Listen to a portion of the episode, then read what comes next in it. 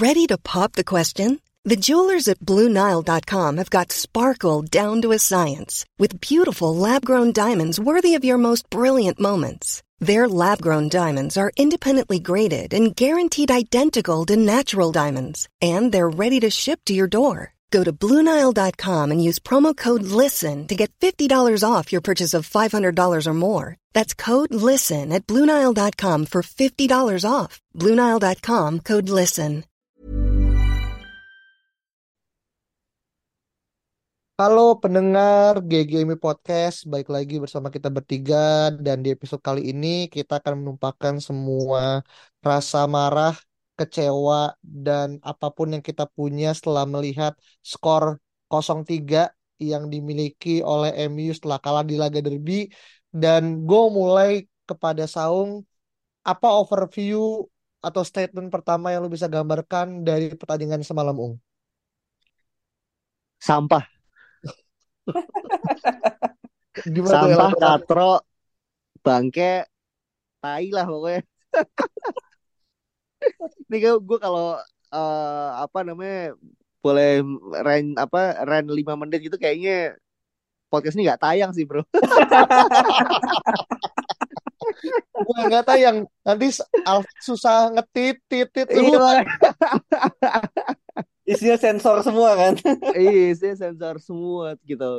Karena karena gini, ke- eh, kalau misalnya kalian semua eh, inget ya, ketika beberapa match eh beberapa jam sebelum match kan United kasih satu video tuh, ya kan? Eh tribute tentang eh Sir Bobby Charlton, terus bagaimana kayak pertandingan itu sangat berarti buat eh, apa namanya, buat fans, buat warga Manchester, terus buat eh, apa namanya eh Sir Bobby Charlton juga gitu sebagai tributnya dan eh, banyak dari situ tuh yang eh, mention gitu kayak apa pun yang terjadi gue pengen melihat semua pemain itu ya benar-benar apa ya eh care lah sama klub ini gitu. Kayak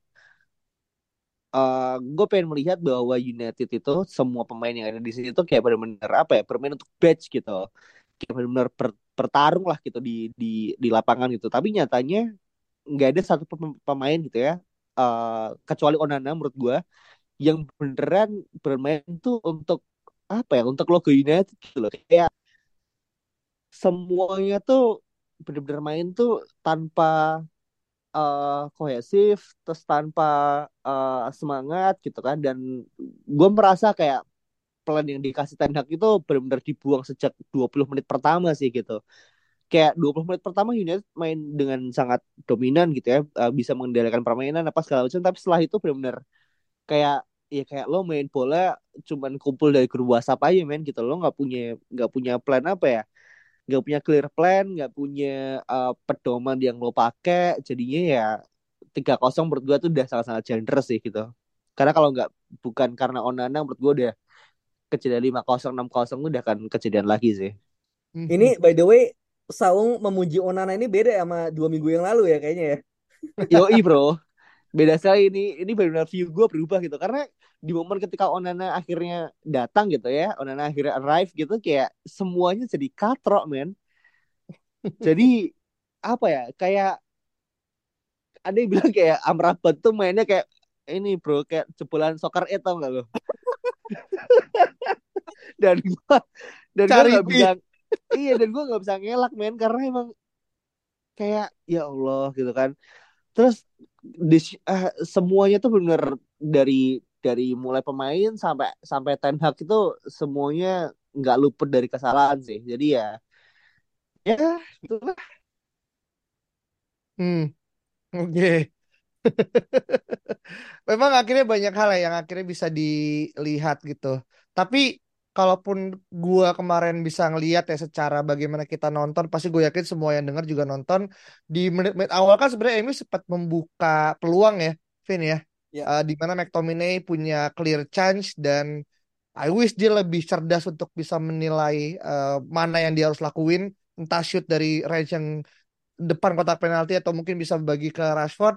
Buat gue mungkin kalau itu gol atau mungkin tercipta peluang itu beda cerita gitu. Tapi MU juga gagal untuk akhirnya mengkonversi beberapa peluang yang sebenarnya udah depan mata juga gitu. Nah, pertanyaan gue adalah apakah memang ini udah menjadi semacam apa ya mungkin kutukan atau bahkan semacam kayak hal yang mulai kita biasakan kalau memang sebenarnya level MU dan City emang udah terlalu jauh gitu untuk kita bisa mengejar jadi apa yang menjadi romantisasi MU eh, Manchester is red dan hal-hal yang kita udah hisap dari dulu 20 tahun lalu sekarang ya udah nggak bisa main bahkan pemain City kan nge-mocking MU kan gara-gara Facundo Pellistri kan ngomong kayak saya semua, semua lihat Manchester tuh merah gitu. Terus akhirnya kayak Walker Phil Foden Jack Grealish ngebuat akhirnya postingan yang ngebalas gitu. Nah lu ngeliatnya gimana Vin? Drama-drama ini dan pertanyaan gue yang tadi spesifik. Iya, ya memang pada akhirnya kita kan ini kan Cywar ya gitu kayak Pelistri, kemudian Pep dengan humble-nya ya dia bilang ya apa ya kayak I'm fine gitu kan. Ya ya Pep lebih pada membuktikan di lapangan aja gitu. Kalau main MU kan mungkin ya lu ngomong di media terserah gitu kan. Tapi memang pada akhirnya ketika di lapangan tuh udah hal yang berbeda lagi gitu. Jadi menurut gua itu wajar, tapi ya gue menyayangkannya itu gitu. Kenapa kayak MU itu seolah banyak keluar-keluar di media atau bikin tribut video macam-macam, tapi ketika di lapangan ya jadi sebuah hal yang berbeda aja gitu kayak nggak sesuai ya sama apa yang ditunjukkan di sebelum pertandingan gitu. Meskipun bener kata Saung tadi di awal-awal tuh kita sebenarnya nggak jelek kok gitu. Jujur ya jujur ya ini menurut gua pertandingan lawan City kemarin itu di babak pertama selain dari kebobolannya MU itu pertandingan terbaik MU musim ini menurut gua salah satu best half eh, di musim ini gitu. Kenapa? Karena gue kaget gitu loh. MU jarang long ball men gitu loh. Di pertandingan kemarin MU jarang long ball dan kalaupun long ball itu nyampe ke Hoylund dari Onana. Biasanya nggak nggak segampang itu apalagi di si Hoylund ini kan dijaga sama Ruben Dias kan. Dan itu ya sering kali menang si Hoylund gitu loh. ya Dan eh, kita main masing-masing pendek loh dari belakang dari Onana ke Evans, Maguire, eh, Lindelof, ke Dalot gitu tuh nyampe semua gitu. Cuma emang susah buat masuk ke kotak penalti dan itu wajar karena lawannya City. Nah, yang jadi pertanyaan gua, lu kenapa nggak main kayak gini tiap minggu anjing gitu loh? hmm. Rasanya kayak lu bisa, lu bisa main dengan passing-passing pendek kayak gitu tuh lu bisa. Tapi kenapa lawan Copenhagen lu nggak bisa? Lawan Burnley nggak bisa? Lawan siapa lagi? Eh kemarin Palace ya lawan Palace lu nggak bisa main gitu lawan City bisa gitu gitu jadi kayak lu kenapa nggak bisa eh, week on week basis bermain seperti itu? Gila lawan City lu malah bisa main kayak main main enak gitu. Iya terlepas dari lu kebobolan lewat eh, penalti ya itu udah beda hal lagi gitu. Tapi at least di babak pertama lu menunjukkan bahwa lu bisa bermain sesuai apa yang sebetulnya Ten Hag tuh inginkan at the first place ya gitu loh dengan bermain pendek. Itu aja yang yang gue tuh masih nggak ngerti kayak ini tuh sebenarnya Ten Hag mau bawa MU itu ke arah mana sih gitu loh. Lu mau main pressing, mau main long ball atau mau main passing-passing pendek? Gue gue jujur gue jadi makin clueless gitu kayak lu tuh maunya sebenarnya gimana gitu loh. Oke, ini hal yang mungkin banyak dimensi yang bisa kita perdebatkan, tapi kemarin itu jujur salah satu hal yang gue pengen tonton adalah bagaimana eh, duel ya antara Rasmus Højlund dan juga eh, Erling Haaland gitu kan.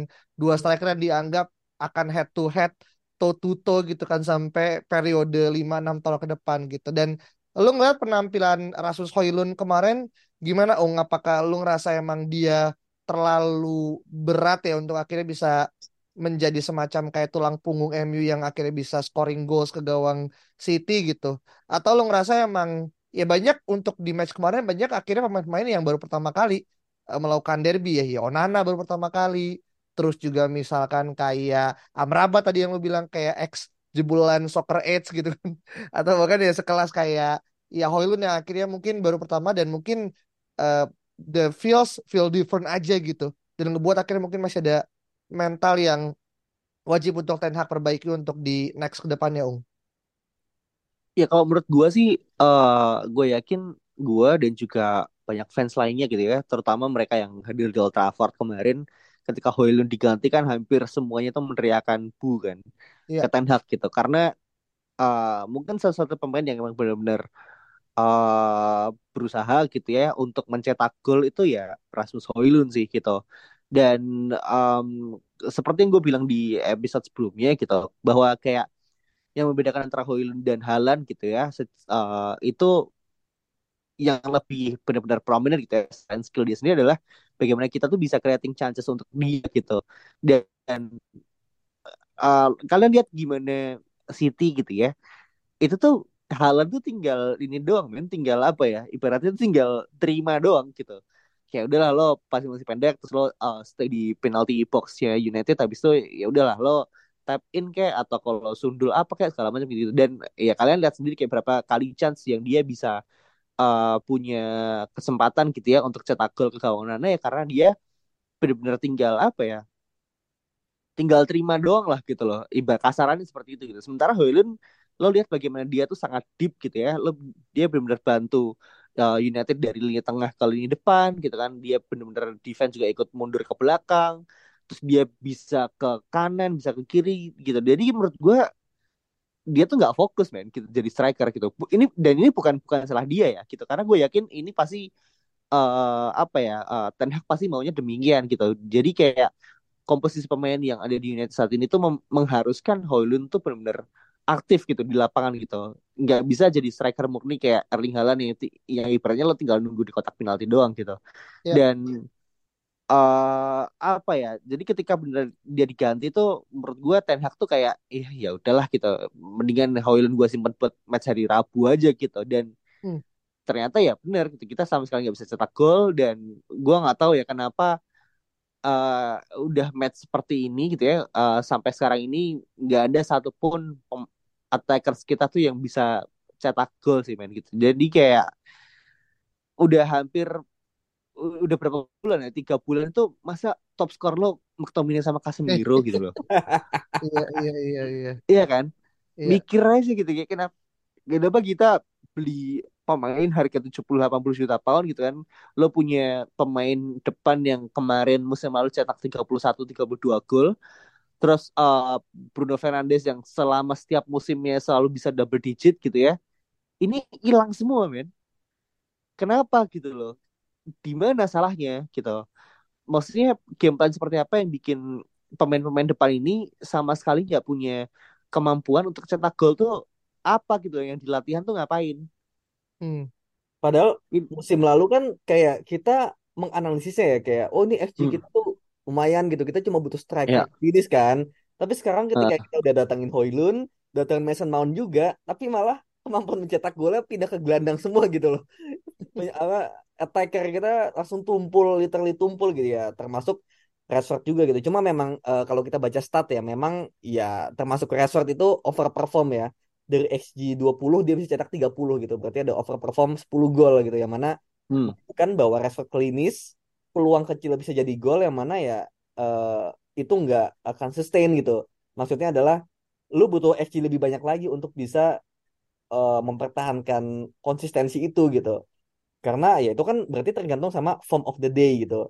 Nah, yang kita tahu juga Rashford ini sejak final Carabao Cup itu menurut gue dia udah menurun gitu belum pernah comeback lagi ke performa terbaiknya sejak ya Karabau itu naik turun naik turun hmm. gitu kan sampai akhirnya musim ini kayak terlalu lama nggak konsisten ya anjir maksudnya dia bagusnya tuh kan dari Desember ya kalau nggak salah ya after Piala Dunia ya hmm. berarti dia bagusnya tuh empat bulan ya dari Desember apa Maret tapi nggak bagus itu lebih lama tujuh bulan gitu loh jadi kayak kayak kenapa ya kayak kalau kita ngomong attackernya aja gitu kayak Rashford Bruno gitu kayak dua pemain andalan Ten ini sangat-sangat underperform di musim ini gitu. Dan kayak cukup lama main underperformnya dibandingkan performnya. Itu sih yang mungkin uh, satu hal yang bisa kita cari tahu gitu kayak ada apa ini gitu loh yang bikin musim lalu over, musim ini under. Apakah mentality? Apakah kelelahan? Atau apa gitu? Kita nggak tahu. Oke. Itu adalah hal yang harus dijawab dengan waktu ya, Vin. Nggak ada yang bisa tahu sampai akhirnya uh, tentu semua akan datang by statistik dan juga by data mungkin di tengah musim gitu.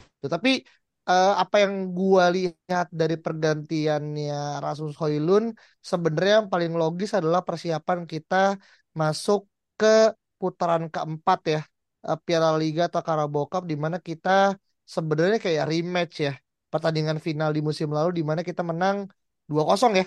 Bener hmm. gak sih? Kita final ya, ya lawan Newcastle Newcastle gitu kan yang memang akhirnya menjadi salah satu pertaruhan nih kita udah kalah lawan City dan kalau kita harus kalah lagi lawan Newcastle kita main di kandang ya semakin tipis nih harapan kita tuh bisa dapat piala gitu karena ya cuma piala ini yang kita dapetin di musim lalu di mana musim lalu kita bermain cukup bagus sekarang di musim ini bermain kurang baik kalau ini kita kalah maka wassalam gitu. Nah, lu ngelihatnya untuk pertandingan besok gimana kira-kira untuk terkait dengan starting elevennya Ung? Apakah lu masih akan tetap menggunakan apa yang ada di hari Minggu kemarin sama percis atau akan ada perubahan-perubahan yang menurut gua bisa dilakukan ya? Contoh Kobe ini udah balik dan udah masuk ya ke bench kemarin atau mungkin memainkan Anthony lagi dari awal dan tidak mengganti dia alih-alih mengganti Rashford atau ada mungkin plan-plan lain yang lu lihat untuk pertandingan besok Ung? Ya, gue sih kalau bisa yang main U21 dengan U21 sih kalau gue.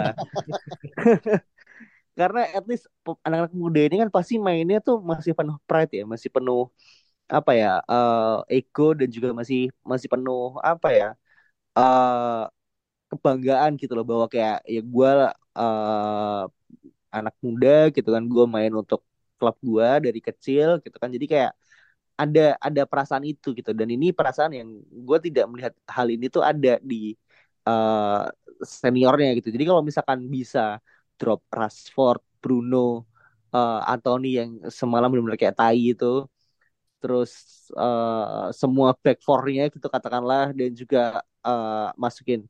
Karena Mainu terus Pellistri gitu ya yang kemarin nggak nemu baju Manchester City itu. Terus hmm. siapa lagi ya? Ya pemain-pemain muda inilah gitu. Masukin aja semuanya gitu mainin aja semuanya gitu. Karena terakhir kali kita main dengan sangat fluid kan justru ketika di uh, Carabao Cup juga kan gitu yang Bruno dan Rashford gak main itu kan gitu. Dan gue pengen melihat hal itu men gitu permainan yang emang benar-benar ya cair gitu. Dan nggak tahu ya ketika waktu itu kalau nggak salah Crystal Palace ya. Yeah. yang Crystal Palace uh, mainnya sangat benar-benar uh, cair bagus semua chance-nya dapat uh, dan semua yang main itu pemain uh, junior gitu ya katakanlah. Tapi ketika besoknya gitu kan dengan musuh yang sama tapi timnya senior itu saya kira kalah ya kalau nggak salah ya. Iya itu menurut gue kocak banget sih gitu. Karena yang ada ketika lo main dengan tim yang uh, secara di atas kertas itu lebih lemah uh, apa namanya lo bisa menang terus akhirnya lo main dengan timnas eh tim yang lebih kuat gitu ya harusnya lo lebih main dengan lebih meyakinkan dong. Ya gak sih? Hmm. malah kalah tuh konyol banget sih gitu. Dan ini benar-benar penyakit yang nggak nggak sembuh nih sampai sekarang gitu jadi kalau misalnya lo mau mainkan pemain-pemain muda pemain-pemain U17 U21 kau pemain tuh Haimal Mepri karena cuy siapalah itu gitu. Ya mainin aja gitu. Biar jadi tamparan sih menurut gue bagi uh, eh, senior senior ini. Iya iya benar-benar. Kayak gue gue masih masih nggak bisa pikir ya sejak match itu Bruno Mars nggak pernah di drop sama sekali ya. Meskipun mereka berdua sama berdua tuh gak pernah menemukan performanya gitu loh ya kecuali ketika di lawan Brentford ya umpannya Bruno itu kan. Cuma kayak ya itu kan one moment ya yang change the game tapi secara keseluruhan kan pasti nggak banget kita juga nonton semuanya gitu. Jadi kayak gue masih punya sebuah apa ya mau ngelihat gitu apa benar Mason Mount ini kalau mainnya sama Bruno itu nggak pernah bagus? Dan Mason Mount ini harus diberikan role Bruno untuk bisa bagus gitu dan itu terjadi di lawan Palace Carabao gitu loh jadi kayak ya gue mau melihat itu lagi gitu loh gue pengen melihat Bruno Rashford di drop meskipun ya sejujurnya gue merasa itu tidak akan dilakukan ya karena ya batu banget tuh pelatih gitu One size fits all seems like a good idea for clothes until you try them on. Same goes for healthcare. That's why United Healthcare offers flexible, budget friendly coverage for medical, vision, dental, and more. Learn more at uh1.com. I'm Sandra, and I'm just the professional your small business was looking for. But you didn't hire me because you didn't use LinkedIn jobs. LinkedIn has professionals you can't find anywhere else, including those who aren't actively looking for a new job but might be open to the perfect role, like me. In a given month, over 70% of LinkedIn users don't visit other leading job sites. So if you're not looking on LinkedIn, you'll miss out on great candidates like Sandra. Start hiring professionals like a professional. Post your free job on linkedin.com/people today. Kayak Lon Peles mungkin dia berani karena ya Peles gitu kan. Tapi ini Newcastle yang lebih kuat. Jadi dia merasa oh gue tim terbaik gue nih gitu.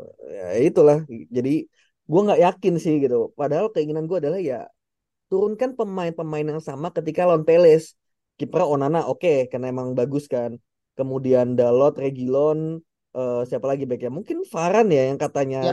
tidak dimainkan karena tactical issue yang gue nggak tahu taktiknya apa gitu. yang bikin Varane nggak diturunin. Padahal big games itu menurut gue ya mental di atas taktik menurut gue ya kalau big games ya apalagi derby lawan City whatever apa eh, apa pun yang terjadi kayak ya lu Varane men gitu loh I mean yang bisa nge-stop Haaland di musim lalu nggak dimainin gitu lu mainin Evans gitu itu gue udah wah gue udah mules sih kemarin nontonnya nonton lihat line up gue udah mules gitu. Ya, meskipun terjustifikasi ya bahwa oh mau main pas- passing-passing pendek makanya mainin Evans gitu. Tapi kayak ya begitulah gitu. Jadi eh, Varane Maguire let's say ya gitu. Kemudian tengahnya siapa mungkin Amrabat gitu. Kemarin gue gue bisa ngerti Amrabat ditarik karena udah kartu kuning karena emosi gitu. Jadi takutnya Ya. kartu merah gue understand gitu. Gitu. Jadi Amrabat kasih kesempatan lagi kemudian Mason Mount dan Mabry gitu kan yang dua mesin ini di tengah depannya Anthony kirinya Garnacho depannya lagi Martial gue oke lah gitu. Atau Hoylund lagi gue gue nggak masalah gitu. Karena Martial kemarin cukup bagus pas lawan Carabao itu kan. Jadi menurut gue yang penting dua pemain inilah gitu Rashford sama Bruno gue nggak benci tapi kayak mereka sangat sangat sangat pantas di drop sih. Dan mungkin Hmm, gue gue mau iya. naik ke Saung nih konspirasi kons- konspirasi gue gue naik ke Saung. Menurut lo apa yang bikin Ten Hag ini masih percaya sama Rashford sama Bruno padahal eh, Ronaldo di drop kemudian siapa lagi Eh, De Gea juga dijual gitu di, dilepas lah. Sancho juga di banish kayak seperti itu. Terus Rashford yang udah jelas-jelas nggak perform di press conference ini dibilang bahwa gue bakal tetap mainin dia sampai dia menemukan performanya. Nah, ini ada apa nih? Ten Hag dengan Rashford dan Bruno nih menurut lo gimana? Kan lo cukup ini ya apa suka sama Rashford nih menurut lo gimana nih? Menurut gua eh, Rashford dan juga Bruno adalah eh, satu dari dua pemain yang memang Ten Hag itu percaya ya gitu ya di di tim dia gitu. Dan Rashford dan juga Bruno mungkin memang tipikal pema- eh, pemain yang kayak eh, ya udah yes boss yes boss aja gitu. Kayak Bruno eh, sama Ten Hag dikasih ban kapten gitu kan di musim ini gitu. Rashford tanda tangan kontrak lima tahun karena Ten Hag juga gitu. Jadi ada apa ya ada sifat-sifat nggak ada sifat rebel sih menurut gue gitu di antara mereka gitu. Beda sama Ronaldo yang bisa benar-benar menyuarakan kekesalannya gitu ya. Kayak standarnya nggak begini nih gitu Ten Hag salah nih gitu. Ten Hag eh, nggak bisa kasih gue eh, apa namanya game time ya begini nih jadinya gitu. Ronaldo bisa bilang begitu karena secara karir udah nggak bisa nggak ada yang bisa ngebantah men gitu kalau Ronaldo gitu. Kalau Sancho ya dia mungkin benar-benar merasa secara di latihan gitu ya eh, mungkin memang dia diperlakukan tidak adil gitu katakanlah gitu. Dan mungkin dia memang punya eh, apa namanya justifikasi bahwa ketika dia dibeli outputnya dia memang luar biasa men gitu di Dortmund gitu. Dan dengan kebiasaan yang sama menurut gue ini antara pemain yang memang ajaib gitu ya. Lo bisa kurang tidur terus main lo tetap sangar gitu kan. Tapi kenapa sampai United eh, dia tidak bisa diberikan kesempatan yang proper gitu sih dengan melihat Anthony yang seperti itu gitu ya.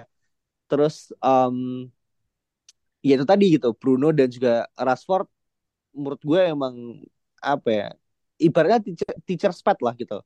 Dia nggak bisa bilang enggak lah sama si manajernya ini gitu. Dan ini yang menurut gue juga jadi eh, pedang bermata dua ya gitu. Karena ketika ketika dia bermain busuk pelatih juga udah terlanjur kayak ah ya udahlah gue mainin terus saya sampai jadi gitu. Kayak macam Onana gitu lah katakanlah gitu. Atau mungkin kayak siapa ya eh ya kayak Rashford musim lalu atau seperti seperti itulah gitu kurang lebih menurut gue sih kayak gitu Jadi kalau yang gue tangkap tuh kayak ini kali ya.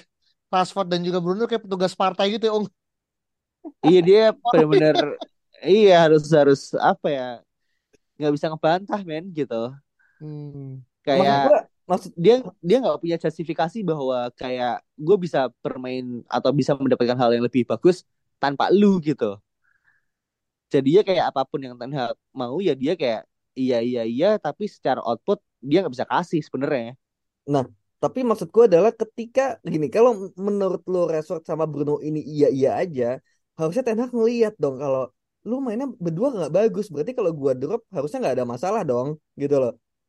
Dan di satu Ya. press conference lainnya, eh, kita juga baca bahwa Ten Hag bilang gue nggak bisa melakukan pendekatan yang keras ke pemain karena pemain sekarang eh, ya ada mentality issue dan lain-lain. Jadi kayak gue harus lebih soft kepada para pemain.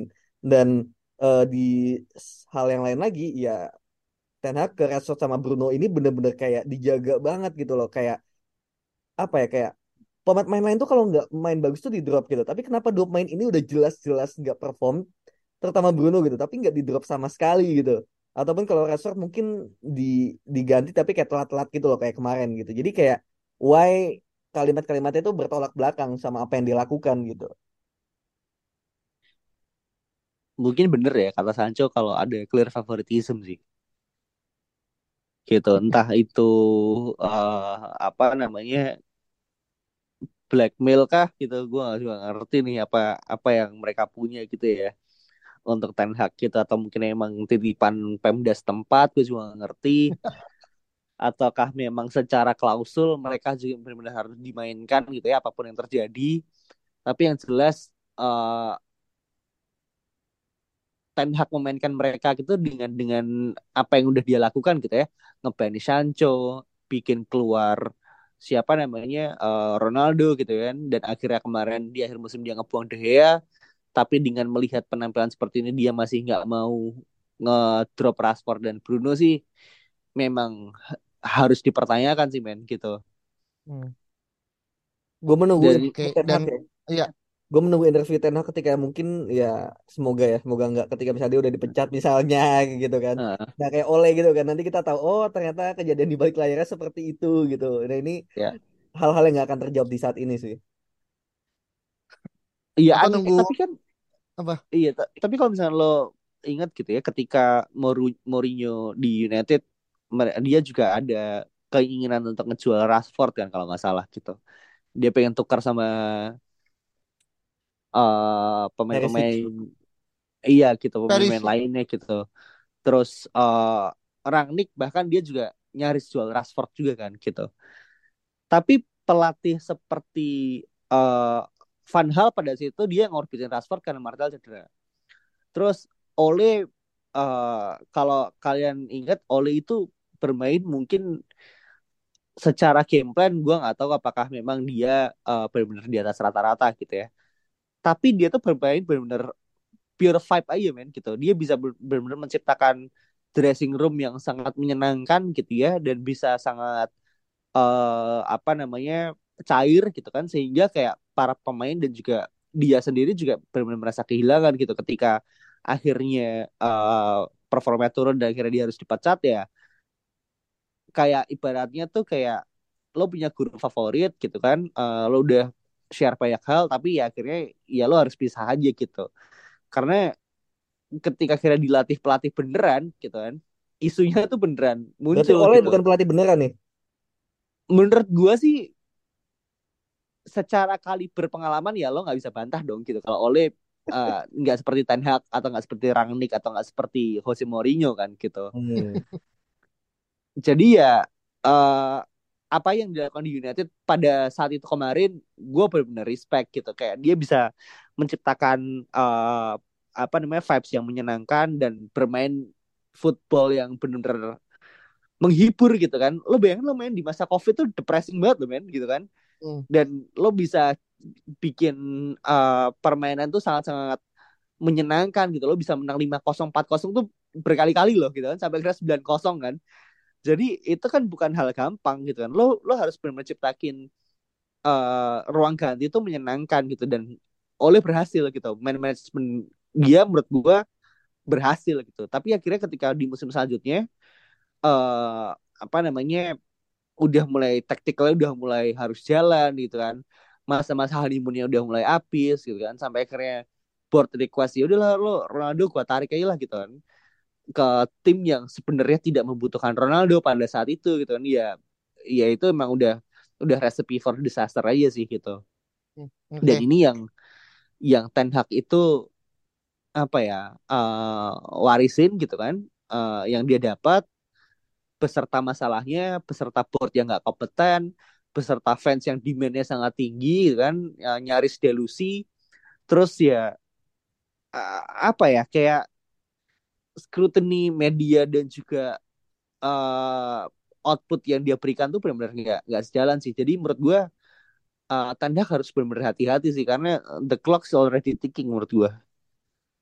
Hmm, Oke, Tapi gini, kita balik lagi ya ke match besok karena buat gue ini adalah match yang seperti gue bilang menentukan dan bisa menjadi penentuan apakah uh, vibes dari Ten Hag akan semakin tinggi. Tapi gue akan mengingetin lagi kalau pertandingan besok Newcastle adalah pertandingan home untuk uh, lokal Cups MU ke-11 dalam konsekutif uh, round. Jadi selama 11 kali beruntun kita tuh bermain di home terus gitu. Yang mana sebenarnya nggak semua tim bisa mendapatkan hal seperti ini gitu kan. Jadi anggaplah ini adalah blessing. Tapi satu sisi kalau kita lihat Newcastle nyampe ke tahap ronde kelima karena di ronde keempat mengalahkan City. Jadi sebenarnya kalau kemarin City nggak kalah lawan Newcastle, kita kan ada derby kedua gitu. Dalam hitungan waktu mungkin berapa tiga hari dan kemungkinan kita dipermalukan akan tinggi lagi gitu kan jadi kebetulan aja nih Newcastle yang menang ya uh, dari golnya Alexander Isak kan uh, di ronde keempat gitu. Jadi ini bisa dibilang unfortunate lah. Tapi pertanyaan gue buat Alvin kali ya sebagai uh, yang satu penutup juga adalah apakah pertandingan besok selain daripada mungkin memberikan peluang kepada pemain-pemain lain untuk mendapatkan jam terbang tapi ini bisa menjadi semacam kayak untuk Tenak mengeluarkan versi terbaiknya yang membuat kalau pertanyaan lu ke Saung adalah kenapa Tenak dan juga Bruno tidak di drop, sebenarnya kalau disuruh pandang gua, ya kalau dia di drop di pertandingan besok, yang kemungkinan besar pemain lain yang nggak sebagus mereka berdua in terms of nama ya, gue ngomong performance, ya akan ngebuat dia semakin under pressure gitu, Vin. Karena emang we don't have much options gitu di bangku cadangan Casemiro masih cedera gitu kan dan beberapa nama juga mungkin belum available karena ya tadi belum sepenuhnya pada 100% kondisi gitu Vin.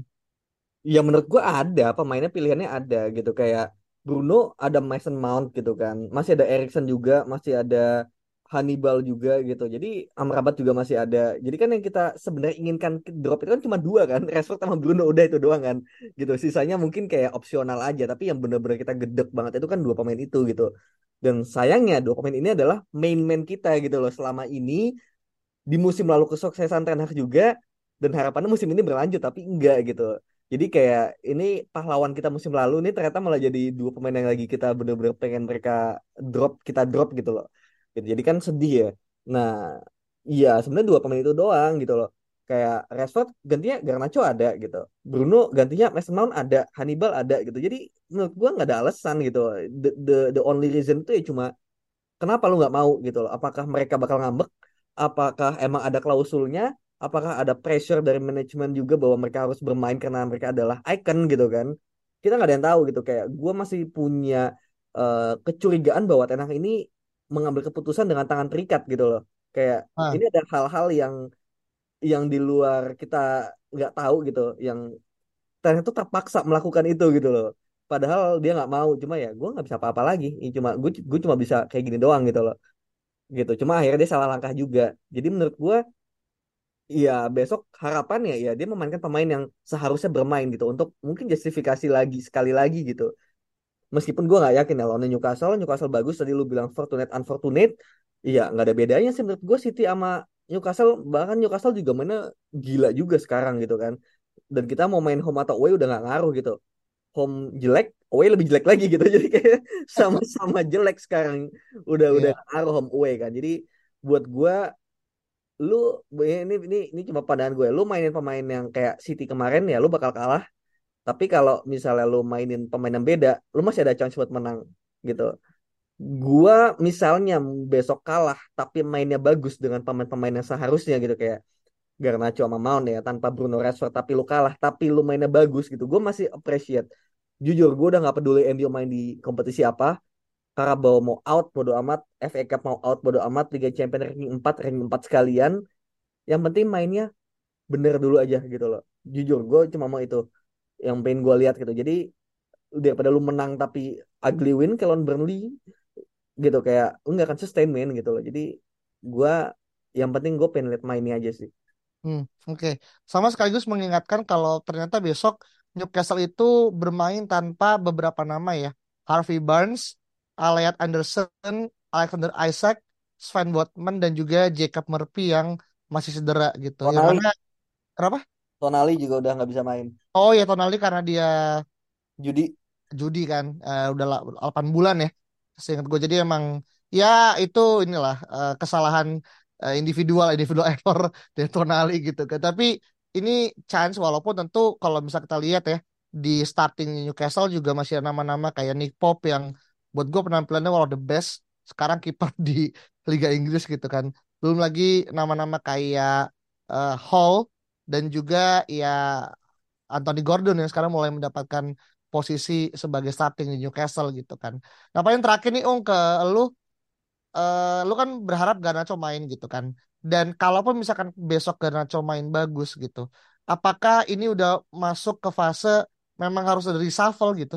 Untuk akhirnya Garnacho mendapatkan jam terbang dan kalaupun yang menjadi sub ya itu adalah Rashford gitu, bukan lagi Garnacho karena emang dia udah layak untuk tampil secara in week in week out secara reguler gitu Ung. harusnya udah dari match-match sebelumnya sih men gitu. Kayak eh, diskusi mengenai Garnacho dapat tempat di starting eleven tuh menurut gue udah harusnya empat match lima match sebelum pertandingan City kemarin sih gitu. Karena benar-benar Rashford nggak punya justifikasi ya kenapa dia harus diberikan menit bermain yang lebih banyak gitu daripada uh, Garnacho gitu. Dan gue yakin gue sangat yakin besok Garnacho akan bermain bagus gitu. Kalau misalkan dia dikasih uh, starting eleven ya gitu. Kalau misalkan dia nggak di tiba-tiba disuruh masuk menit 70 75 menurut gue secara momentum dia udah nggak dapet lah gitu.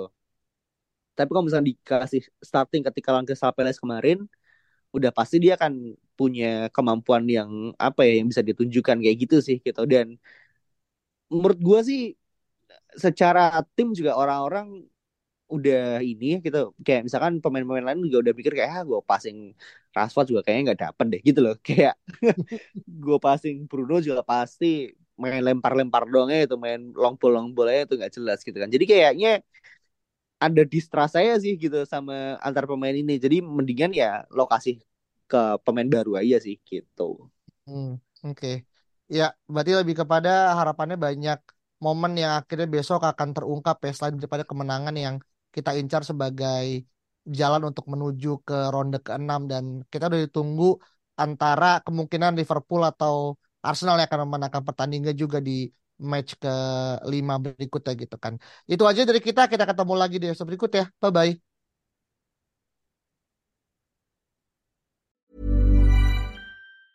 Even when we're on a budget, we still deserve nice things. Quince is a place to scoop up stunning high-end goods for 50 to 80% less than similar brands. They have buttery soft cashmere sweaters starting at $50, luxurious Italian leather bags, and so much more.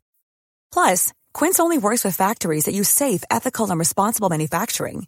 Get the high-end goods you'll love without the high price tag with Quince.